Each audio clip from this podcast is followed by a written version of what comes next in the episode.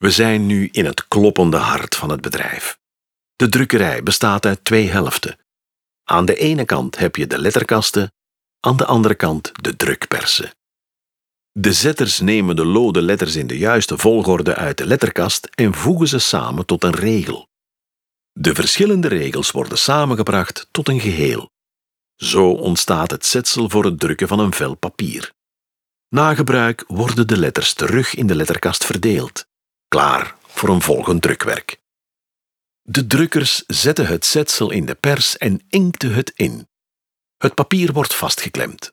Nadat de kar onder de pers is gerold, zorgt een ruk aan de degel ervoor dat er een afdruk wordt gemaakt. 2500 keer per dag op elke pers. Onder het Mariabeeld staan de oudste nog bewaarde drukpersen ter wereld. Ze zijn meer dan 400 jaar oud. Het zou kunnen dat Plantijn ze nog in actie heeft gezien en ze hebben ongetwijfeld een bewogen leven achter zich.